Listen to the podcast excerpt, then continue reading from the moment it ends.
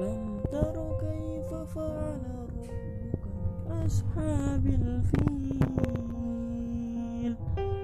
ألم يجعل كيدهم في تضليل؟